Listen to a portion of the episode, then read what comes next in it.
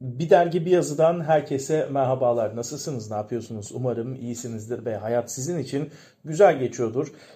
Evet, Türkiye tarihinde ilk defa ikinci tura gidiyor bir seçimde. Ee, Türkiye'de Cumhurbaşkanı'nı halkın seçmesi 2010 referandumunda gelmişti ve ilk seçim olan 2014'te Türkiye ilk defa Cumhurbaşkanı'nı sandığa giderek belirlemişti. Öncesinde meclis içinden bir cumhurbaşkanı seçiliyordu. TBMM'nin görevleri arasındaydı cumhurbaşkanını seçmek ama halkın iradesine bırakıldı 2010 referandumuyla. Türkiye'nin e, belki de e, şu anki yaşadığımız bu süreci e, son 10 yılını 13 yılına baktığımızda 2010 referandumu ileride tarih kitaplarında, belgesellerde anlatılacak bir kırılma olarak e, bahsedebiliriz. İyi veya kötü buna tarihin neresinden baktığınızla alakalı bir durum. Evet ilk defa ikinci tura gidiyoruz. Türkiye için çok ilginç bir durum. Çünkü bizde ilk turda ve e, tek günde biter bu işler. Ertesi gün hayat normale dönerdi ama maalesef Türkiye 14 Mayıs'tan sonra bir 14 gün daha mesai yaptı. E, artık seçimlere de 2 gün kalmış durumda. Bugün ayın 26'sı. 27'si ve 28'inde sandık başındayız. Cumhurbaşkanının halk oylamasıyla seçilmeye başlandığı 2014'te geçerli oyların %51,79'unu 2018'de ise 52,54'ünü alan Recep Tayyip Erdoğan ilk turda Cumhurbaşkanı seçilmeyi başarmıştı. 2023 seçimlerinde ise Cumhurbaşkanı seçilmek için yeter oy sayısına sahip aday çıkmadı. Bu oranı yani %50 artı bir kişi e, sistemine göre buna ulaşabilen aday olmadı. Görevdeki Cumhurbaşkanı Erdoğan geçerli oyların %49,5'unu almayı başarırken muhalefetin adayı Altılı Masa'nın adayı Kemal Kılıçdaroğlu ise oyların %44,89'unu hanesine yazdırdı. Cumhuriyet tarihinin ilk ikinci tur seçimine doğru gidiyoruz Türkiye olarak. Cumhuriyet'in 100. yılında ikinci tura gidiyor Türkiye. Erdoğan'la Kılıçdaroğlu arasındaki fark ikinci turda kapanıp kapanmayacağı ile alakalı birçok tartışma var. Bunlar için analiz programlarını izleyebilirsiniz. Sabahtan akşama kadar zaten bununla alakalı sizlerle veriler paylaşıyorlar. Ben bugün size başka bir şey anlatacağım. Benim podcastlerimin e, dinlemenize sebep olan, sizi daha da meraklandıran bir konudan bahsedeceğim. Bir tek Türkiye'de mi acaba sadece ikinci tura gidiyor? İkinci tur çok mu kötü bir şey? Çünkü 14 Mayıs'tan itibaren iki tarafta hem iktidar hem muhalefet siz kazanamadınız, öteki taraf siz kazanamadınız. Ortada zaten kazanılan bir şey yok. Seçim böyle bir şey ama öyle bir psikolojik atmosfere girildi ki öyle bir psikolojik e, savaş veriliyor ki iki taraf arasında da bu halka da sirayet etmiş durumda. E, insanlar birbirini yiyorlar. Ben ne yaptım bugün? Son 5 yılda tüm dünyada yapılan 20 tane ikinci tur seçiminin sonuçlarını sizlere aktaracağım değerli dinleyicilerim. Fatih Ejder Medya'nın değerli podcast dinleyicileri. Yorumlarınızı bekliyorum. E, podcastlerimi nasıl buluyorsunuz? İçeriklerimi nasıl buluyorsunuz? E, gerçekten imkanım olduğu ölçüde, imkanım el verdiğince bir şeyler yapmaya çalışıyorum. E, anlatıyorum, yorumluyorum, araştırıyorum. Ama gelin görün ki maalesef e, Türkiye'de yaşamak zor. E, para kazanmanız gerekiyor. Bu işi, medya işini bir meslek olarak yapmak da Türkiye'de çok zor. Ben avukatım ve para kazanmam lazım. Farklı projelerim var, farklı işlerim var. Bunlara vakit ayırınca da ister istemez profesyonel şekilde de bu işi yapmadığım için bazen aksaklıklar oluyor. Hem profesyonel bir ekipman olarak e, buna bakabilirsiniz hem de profesyonel bir yayıncılık anlayışı olarak bakabilirsiniz. Evet belki kameramız kötü, belki mikrofonumuzun sesi çok iyi çıkmıyor ama ben sizlerle buluşmaktan çok keyif alıyorum ve imkanım el verdiğince de bu mikrofonun başından kalkmayı düşünmüyorum. Bunu her podcast'imde, her yayınımda söylemeye devam edeceğim değerli dinleyicilerim. Evet, e, bir çayınızı kahvenizi alın. E, başlayalım. Uzun bir giriş yaptım intro girsin bir ondan sonra da konuşmaya başlayalım.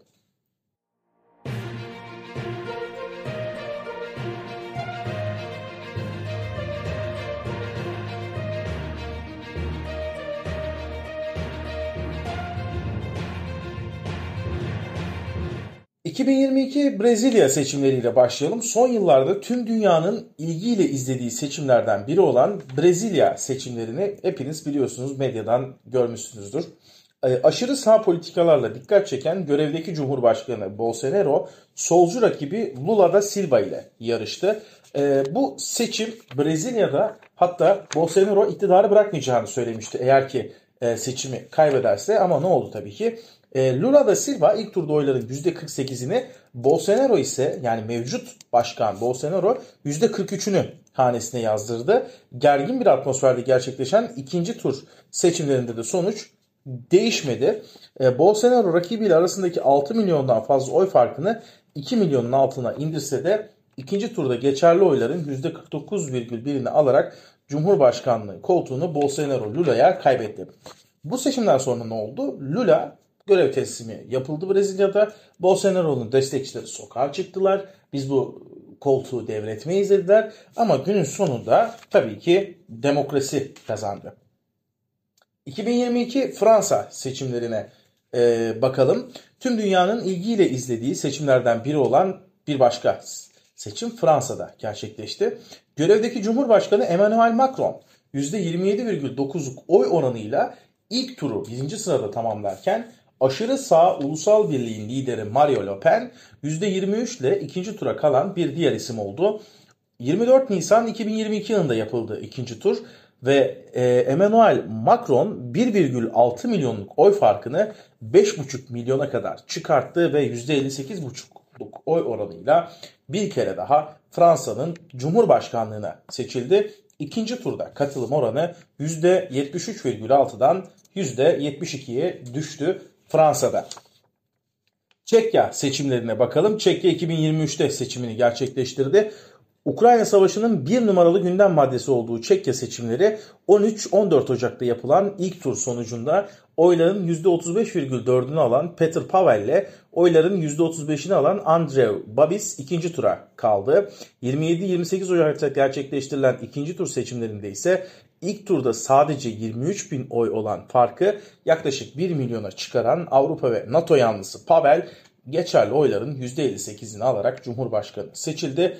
İlk turda Çekya seçimlerinde %68 katılım vardı. İkinci turda bu durum %70'e çıkmış. 2021 Ekvator seçimleri 7 Şubat 2021'de gerçekleşen ilk tur seçimlerinde oyların %32,7'sini alan Andreas Arauz en yakın rakibine fark atmış olsa da %40 barajını geçemediği için seçim ikinci tura kaldı. Güney Amerika'da baraj 50 değil 40. Bunu da e, bir dipnot olarak bir genel kültür olarak sizlere vermiş olayım. Üçüncü olan rakibi Yaku Perez'in sadece 32 bin oy önünde yarışı ikinci sırada tamamlayan Lasso, Guilherme Lasso geçerli oyların %19,74'ünü alarak ikinci turda Arauz'un rakibi oldu.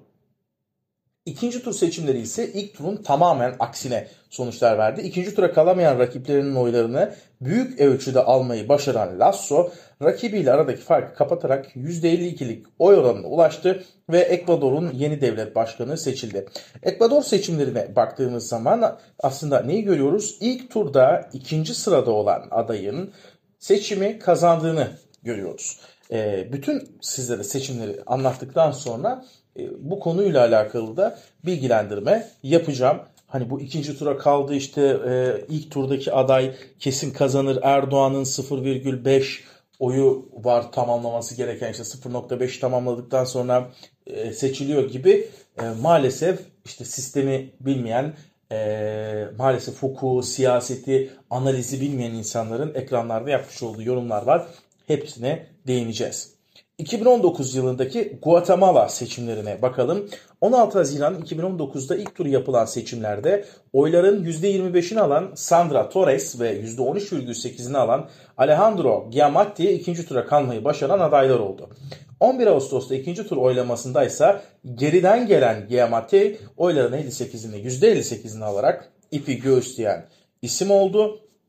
Ancak Guatemala'daki seçimlerde ilk turda oy kullanan tam 1,5 milyon kişi ikinci turda sandığa gitmemeyi tercih etti ve katılım oranı keskin bir şekilde düştü. 2023 Güney Kıbrıs seçimlerine bakalım. 5 Şubat'ta Güney Kıbrıs'ta gerçekleştirilen Cumhurbaşkanlığı seçimlerinin ilk turunda oyların %32'sini alan Nikos Christodolis ile oyların %29,5'ini hanesine yazdıran Andreas Mavroyiannis ikinci tura kalmayı başardı. Katılım oranında yarım puanlık bir artışın gerçekleştiği ikinci tur seçimlerinde rakibiyle aradaki farkı korumayı başaran Christodolis geçerli oyların %52'sini alarak Güney Kıbrıs Rum yönetiminin e, Rum kesiminin yeni lideri seçilmiş. Gürcistan seçimlerindeyiz şimdi de. Yani dünyadaki seçimleri incelemeye devam ediyoruz. 2018'de gerçekleşmiş ve ikinci tura kalmıştı bu seçimde. 28 Ekim 2018'de gerçekleştirilen ilk tur seçimlerinde hiçbir aday %50 barajını geçemeyince %38,6 oy alan Salom Zurabishvili ve oyların %37,7'sini hanesine yazdıran Grigol Vashadze ikinci turda bir kere daha yarıştı. İlk turu bir puandan daha düşük bir farkla önde tamamlayan Zurabishvili ikinci turda farkı arttırarak %59'da Cumhurbaşkanı seçildi. İlk turda %46 olan katılım oranı da ikinci turda %56'ya yükselmiş Gürcistan'da. Şu ana kadar size anlattığım e, ülkelerin seçimlerini görüyorsunuz değil mi? Bazen ilk turdaki aday önde bitiren aday ikinci turu farkı daha da açarak önde bitirmiş. E, ama bazılarında da ilk turda çok oz, e, çok az oy alan adayın ikinci turda çok ciddi şekilde fark atarak kazandığını görüyoruz. 2019-2020 Hırvatistan seçimlerine bakalım şimdi de. İlk turu 22 Aralık 2019'da gerçekleşen seçimlerde eski başbakan Zoran Milanovic oyların %29,5'ini alırken görevdeki Cumhurbaşkanı Grabar Kitarovic ise %26,65'lik oy oranıyla adını ikinci tura yazdırdı. 5 Ocak 2020'deki ikinci tur seçimlerinde ise katılım oranı %51'den %55'e yükselse de sonuç değişmedi. İlk turu önde kapatan Milanovic ikinci turda da oyların %52'sini alarak Hırvatistan'ın yeni cumhurbaşkanı olmuş. Yani Hırvatistan'da ilk turda kimi seçtiyse birinci olarak ikinci turda da onu seçmiş ama e, mevcut cumhurbaşkanı değişmiş. Karadağ seçimleri aslında Türkiye'deki bu adaylık tartışmalarının da olduğu dönemde en çok gündeme verilen ve en yakın tarihli seçimlerden bir tanesi 2023 Karadağ seçimleri.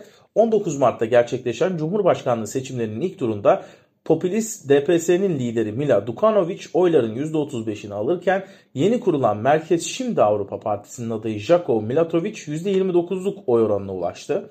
Ülke bağımsızlığını kazandığı 2006'dan sonra ilk ikinci tur seçimleri için 2 Nisan'da tekrar sandık başına gittiğinde ise Milatovic oyların %58,8'ini alarak Karadağ'ın yeni cumhurbaşkanı oldu İlk turda %64 olan katılım oranı ise ikinci turda %70'e çıktı. Bu sonuçla birlikte Milatovic çok partili hayata geçiren 1990'dan sonra DPS üyesi olmayan ilk cumhurbaşkanı olarak tarihe geçti. Karadağ seçimlerini Türkiye ile çok kıyaslıyorlar.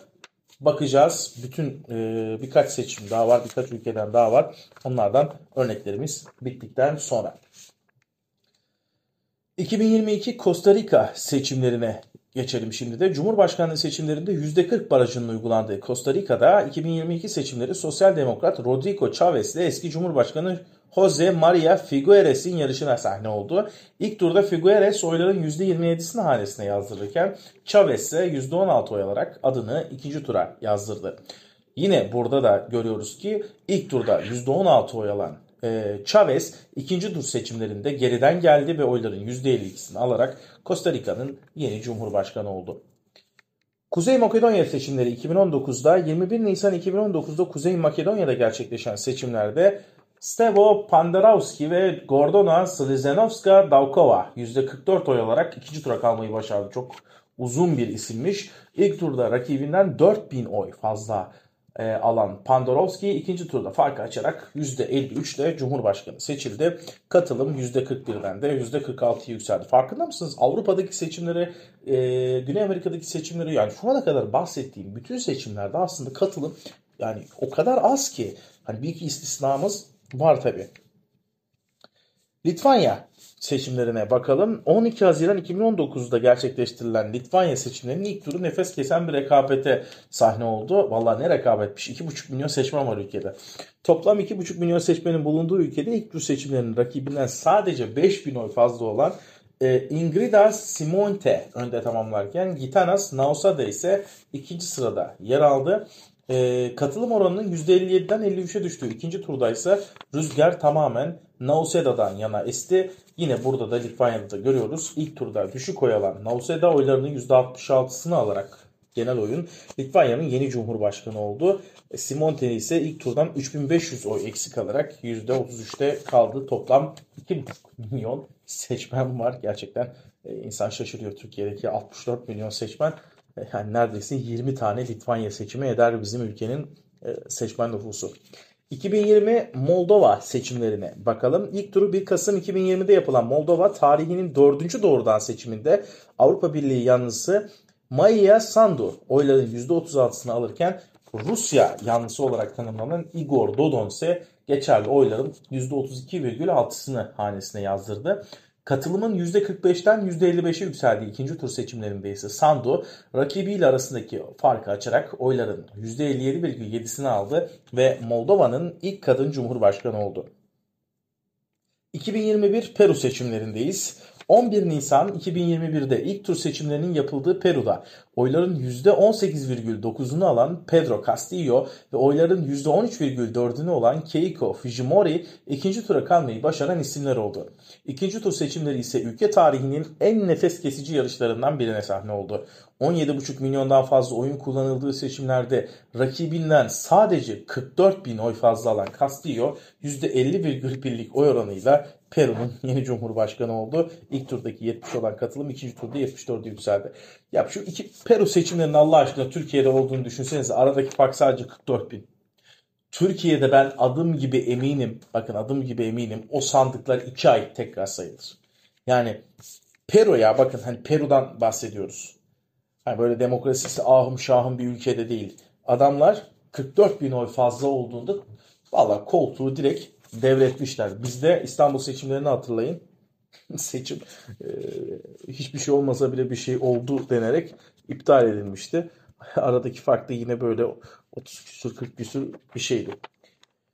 Polonya seçimlerine geçelim. 28 Haziran 2020'deki ilk tur seçimlerinde iktidardaki Hukuk ve Adalet Partisi'nin adayı görevdeki Cumhurbaşkanı Andrzej Duda oyların %43,5'ini alırken Varşova Belediye Başkanı Rafael Trzaskowski %30 oy alarak adını ikinci tura yazdıran isim oldu. İkinci tur seçimlerinde daha başa başa bir rekabet yaşansa da oyların %51'ini alan Duda bir kez daha Cumhurbaşkanı seçildi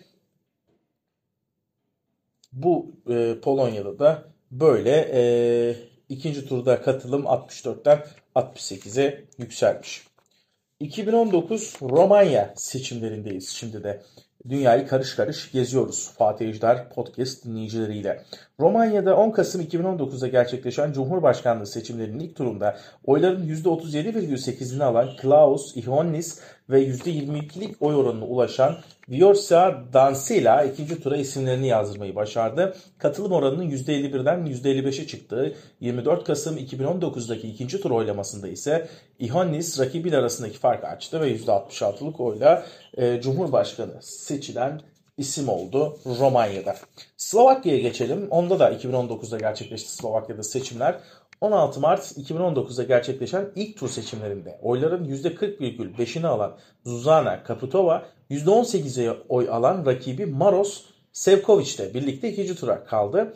Katılım oranının %48'den %41'e düştüğü ikinci seçimlerde rakibiyle arasındaki farkı korumayı başaran Kaputova %58 oy alarak Cumhurbaşkanı seçildi Slovakya'da. 2022 Slovenya seçimlerindeyiz. 23 Ekim 2022'de gerçekleşen ilk tur seçimlerinde oyların %33'ünü alan Anze Logar'la %26,8'lik oy oranına ulaşan Natasa Musar ikinci tura isimlerini yazdıran adaylar oldu.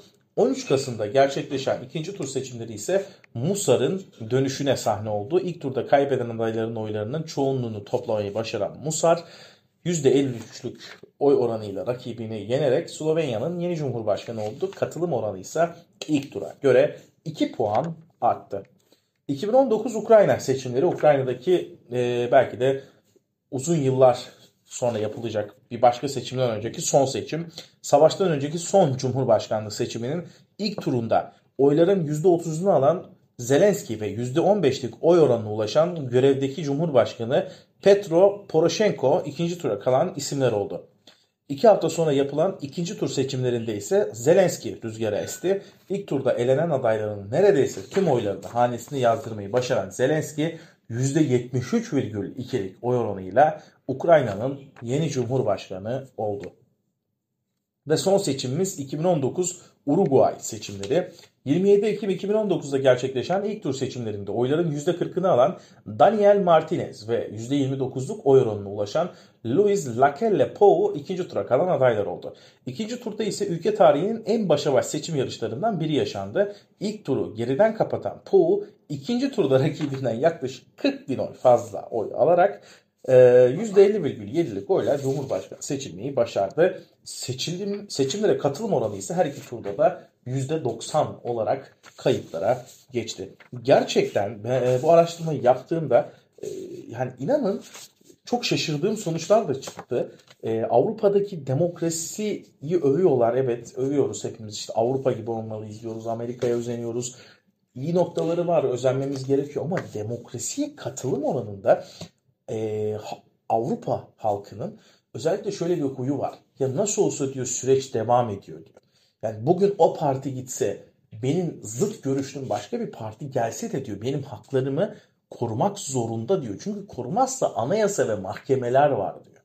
İşte Avrupa halkının, Avrupa'daki yaşayanların bunu olan bu inancı e, gerçekten hani seçimlere katılımı düşünüyor ve e, katılım oranlarını görüyorsunuz. %45, %55.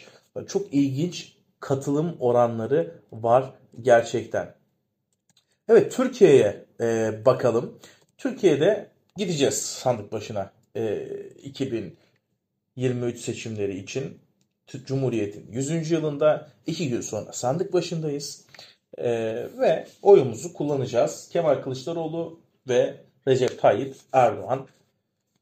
Ülkemiz için hayırlara vesile olmasını kesinlikle istiyorum. Ee, ama ben yazımda da seçim sonrası yazdığım yazıda da bahsetmiştim. Ülke o kadar kutuplaştı ki bu kutuplaşmayı nasıl bitireceğiz? Ee, asıl önemli olan soru o. Ee, tabii ne olur?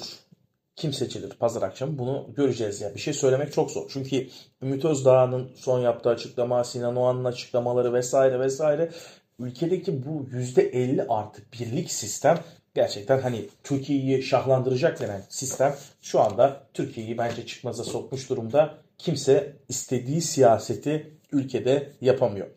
Bu e, programı hazırlarken de size verdiğim verileri Independent Türkçe'den aldım. Barış Kaygısız'ın yazısından derledim ve sizlere anlattım değerli dinleyicilerim. Evet bu programın da sonuna geldik. Beni dinlemeye, beni takip etmeye devam edin. Türkiye için güzel bir e, yıl diliyorum. Geri kalan 6 ay ve önümüzdeki 5 e, yıl için hayırlara vesile olmasını diliyorum. Ben bu seçimi Cumhuriyet'in 100. yılında bakalım Türkiye pazar günü nasıl bir karar verecek. Demokrasinin gereğidir oy kullanmak. Lütfen sandığa gidin. Tek bir oyunuz var, tek bir vatandaşlık göreviniz var. Oyunuzu kullanın diyor. Hepinize saygı ve sevgiyle ben selamlıyorum. Kendinize çok iyi bakın. Benim dünyama eşlik etmek isterseniz de kanalı takip etmeniz yeterli. Görüşmek üzere.